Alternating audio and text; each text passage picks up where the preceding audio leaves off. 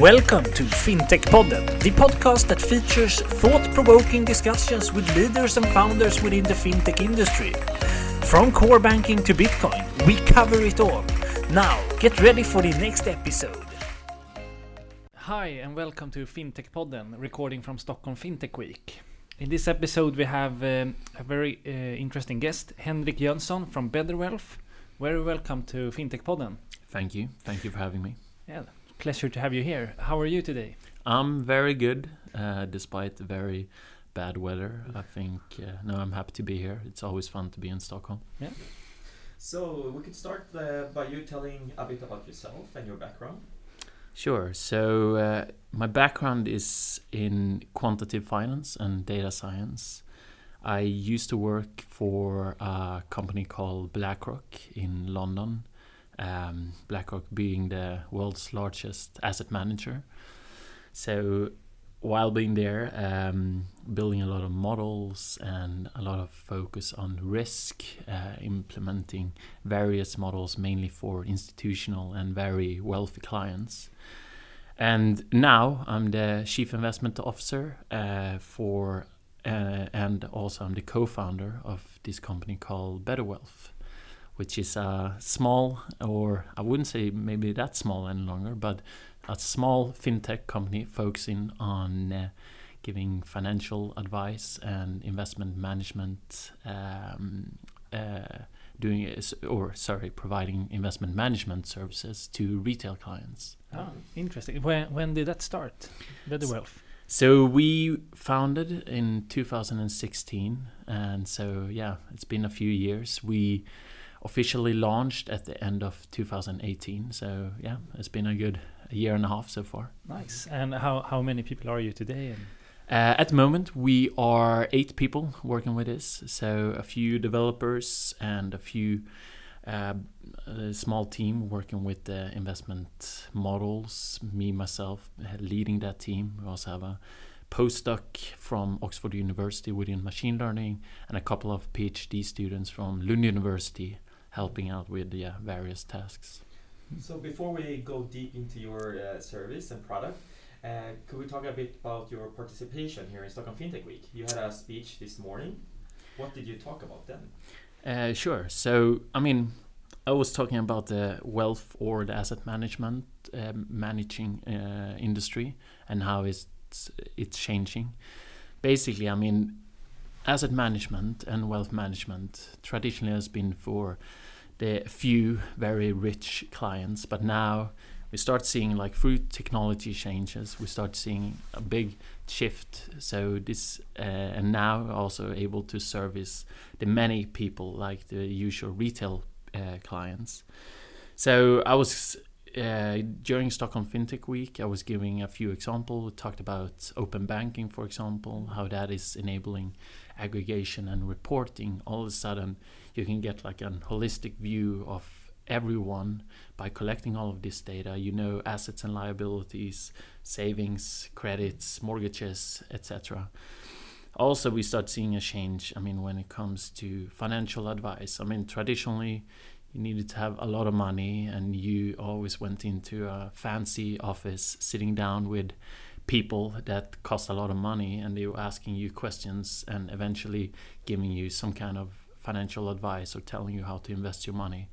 Today, I mean, all of that has been replaced by server halls uh, or like by clouds, and you, I mean, everything is done uh, on the screen. It takes a few minutes. You answer a few questions, and you get a very unbiased and in many cases, I would say even a better financial advice. yeah, I was going to ask that if there's um, differences in the the more traditional way of um, financial advice that you described and the digital way that that you're providing today.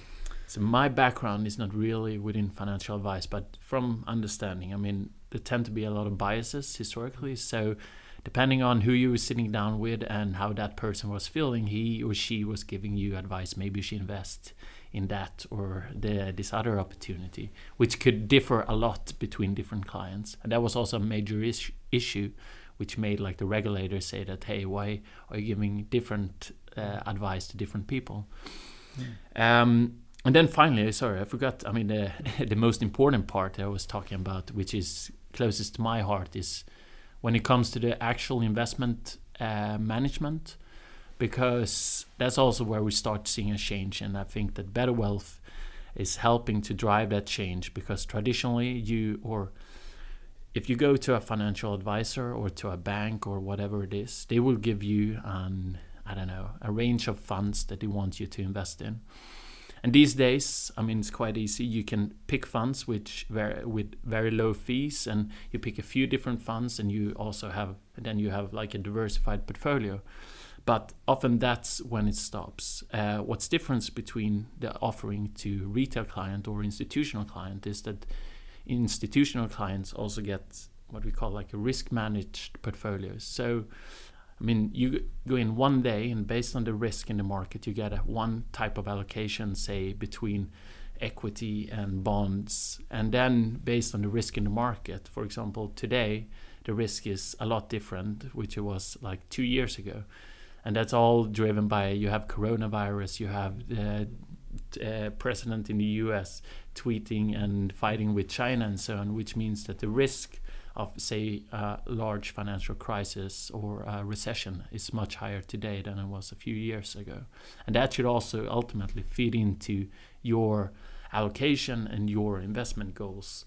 Uh, if you are in it like if you traditionally is quite high risk uh, quite a, invest a lot of for example in stocks and emerging market assets and so on that should probably be, or you should probably hold a little bit less of those assets today, given the market environment. And I guess this is a bit of the background of why you started Better Wealth. Do we go into what do you offer and how does your service work? So, I mean, ultimately, we ultimately we want the, our clients to worry less about their investments. Um, I mean, on the face of it, it's uh, or I mean, in technical sense, we are digital advisor, uh, financial advisor, and investment manager. Uh, robo advisor in many, uh, as you call it on the street. But basically, on, I mean, on the face of it, you go online, you answer a few questions, you get an uh, investment proposal according to your investment goals and beliefs and so on. And then, when the client thinks that um, he or she is happy with that, you sign digitally using Bank ID uh, you make a bank bank transfer, and then we invest your money into 10 to 25 different passive um, index funds with very low fees. And then I would say like what's really our niche compared to, I mean, basically a lot of other investment advisors or solutions out there is that once you made the transfer and we invested into these funds, that's when our work starts.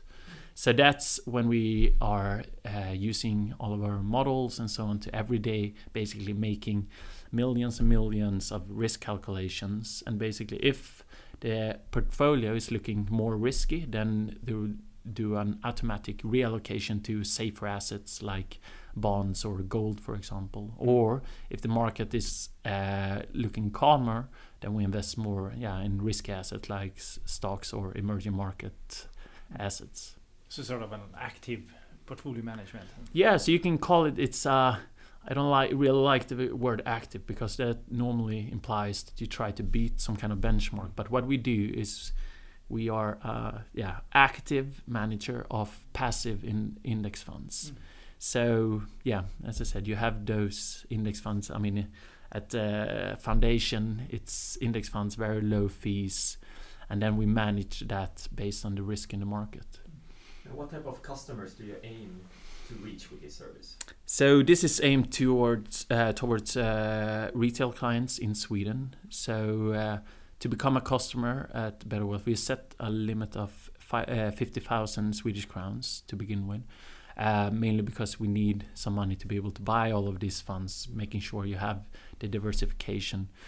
Um, but ultimately, I would say there is a bit of a gap in the market because customers would say up to, I don't know, that holds up to like 10 million are not very, um, I would say, supported in a traditional sense. Because so these kind of services, because when you have uh, a little bit more money, focus shifts from um, generating or like double like mo- like the focus on most people is to double your money every 50 year or so. But when once you saved up a bit of money focus is more on all right how can i invest this for the long long term? Mm-hmm. what happens if they're all right now everyone is talking about stocks being all time high mm-hmm. are we going to enter a recession? What's going to happen to I- my investments? So a lot of these clients they out of fear they tend to like put their money into uh, simple bank accounts and earn basically zero interest and hence losing a lot of money so i think we can our service is very well suited for these types of uh, clients Hmm. but in sorry in general like you say i mean you have tend to have our clients tend to have uh, quite a long investment horizon five to ten years um, yeah Oh. And do you use what type of technologies do you use to be able to uh, choose your portfolio for the clients? Uh, good question. Uh, I was hoping you were going to ask that. So, I mean, once, as I said, once we made uh, uh, investments and we start, I mean, our model start controlling the risk in the market and of our clients' portfolios.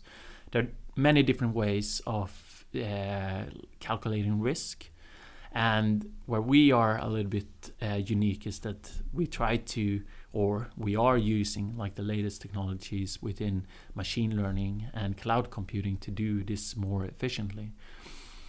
And that said, I mean, even though it, I don't like when people talk about machine learning and so on, because it usually implies that you're using all these like neural networks, deep tech, and and that's very quite dangerous when it comes to investments because those very sophisticated models you have no or very little clue of what's actually going on under the hood. So when we use, say that we use machine learning, we actually use some of the simplest machine learning models out there called clustering methods, Mm. which are extremely transparent, very easy, and but still we use them because we see that by using them we can estimate risk more efficiently than with traditional methods. And if you would look at the whole industry, the asset management or investment industry, how will you, what do you think will change within this industry now in the coming years? I mean, uh, it's, uh, I think a lot of focus is going to be on user experience. I mean, now with our generation, we are used to Apple and Google. Everything is easy, it's intuitive. While, like traditionally, I mean, the banking or finance or investment industry tend to be quite cumbersome. I mean, you you had to normally you had to go to your local bankman to open an account and sit down with him or her and like decide of your investments and so on. Today i mean that doesn't fly. Like with the new generation everything has to be easy. It has to be be able to do it through like uh, uh, through your phone and so on. So i think a lot of focus is going to be just on user experience and to make everything uh, simpler. Also i mean to make it more understandable. I mean the industry uh, especially like the investment management industry i think have, has a legacy of try to complicate things uh, probably because that's how people made money in the back in the days. They're like try to make things sounds very complicated.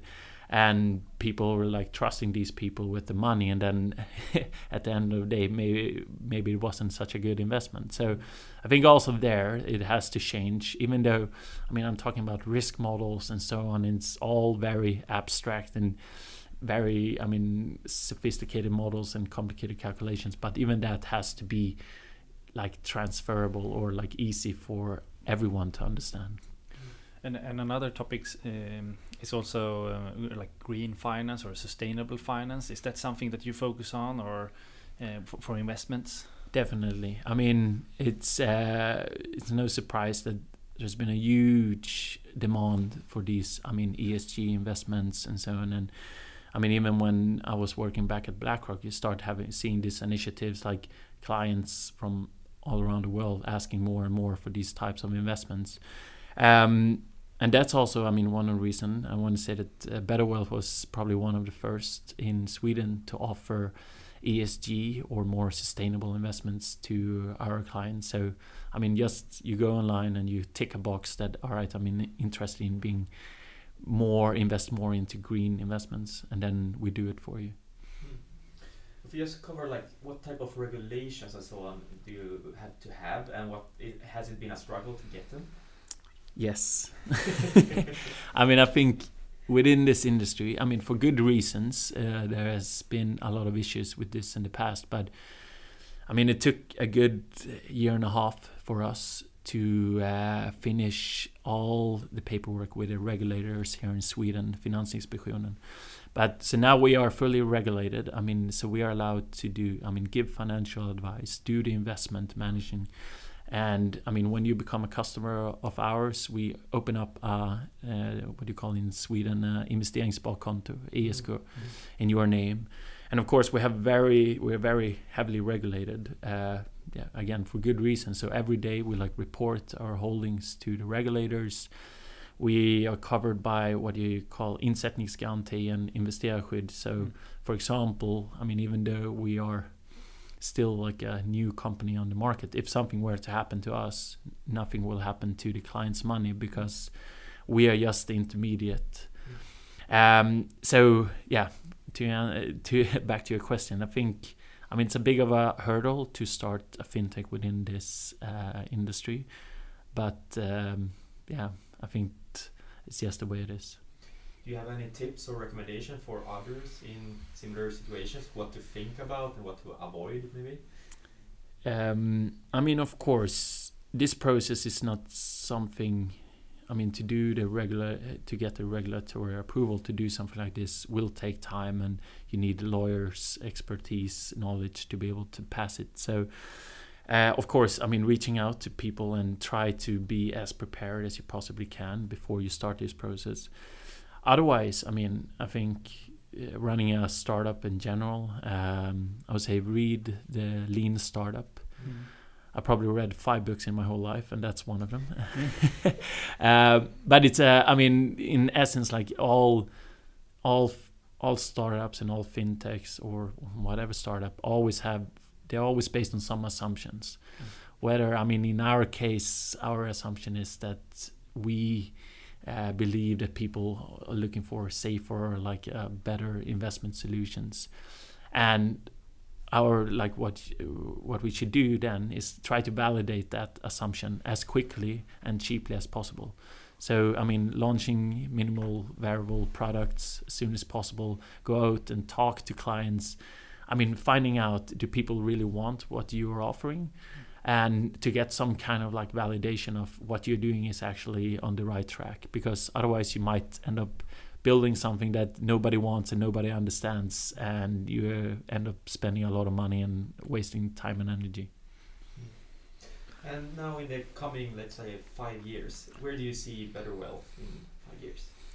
So, I mean, I think it's no surprise that, uh, or uh, like, I mean, when you talk about the whole robo advice landscape, uh, there are a lot of robo advisors uh, in the whole world and all of them are struggling. I mean, um, they I think everyone was expecting the shift, or people were going to withdraw the money and put them into robo advisors because of low fees and simplicity and all of this.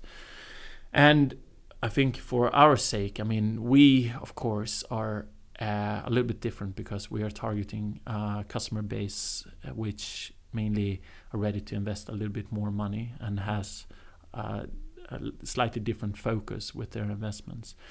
And we will, I mean, of course, continue to, um, I mean, try to uh, find out who is really our target customer and how are we going to like reach that target customer. What are the pain points that we can solve for him or her?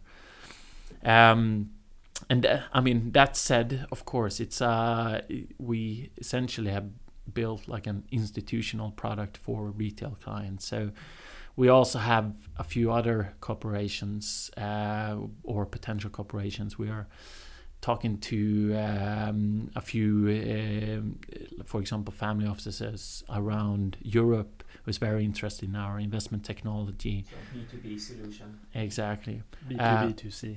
Uh, exactly, B2B. And also, I mean, pure B2B solutions. So to give you an example, we are working with a few niche banks. Um, we have done one of these like uh, white labeling B2B solution with a bank called Collector Bank here in Sweden.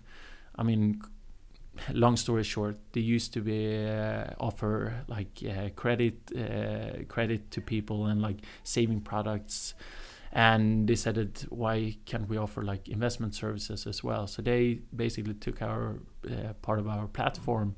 And we white label it, so now they can uh, offer investment solutions to their clients just by plugging in our solution. Cool. Yeah. I think uh, it's it's been really interesting to talk. I think we need to round up the discussion. Um, but before we do that, uh, where can our listeners get in contact with you? Um, they can. Uh, they're more than welcome to shoot me an email at uh, Henrik H E N R I K at uh, betterwealth.se, or you can always uh, visit our webpage uh, www.betterwealth.se. And that's also where you can uh, get started with your services. Right? Exactly. I mean, uh, try it out. It doesn't cost anything to sign up uh, or anything. You can get a free investment proposal in a few minutes. Nice. Nice. We check it out. Yeah.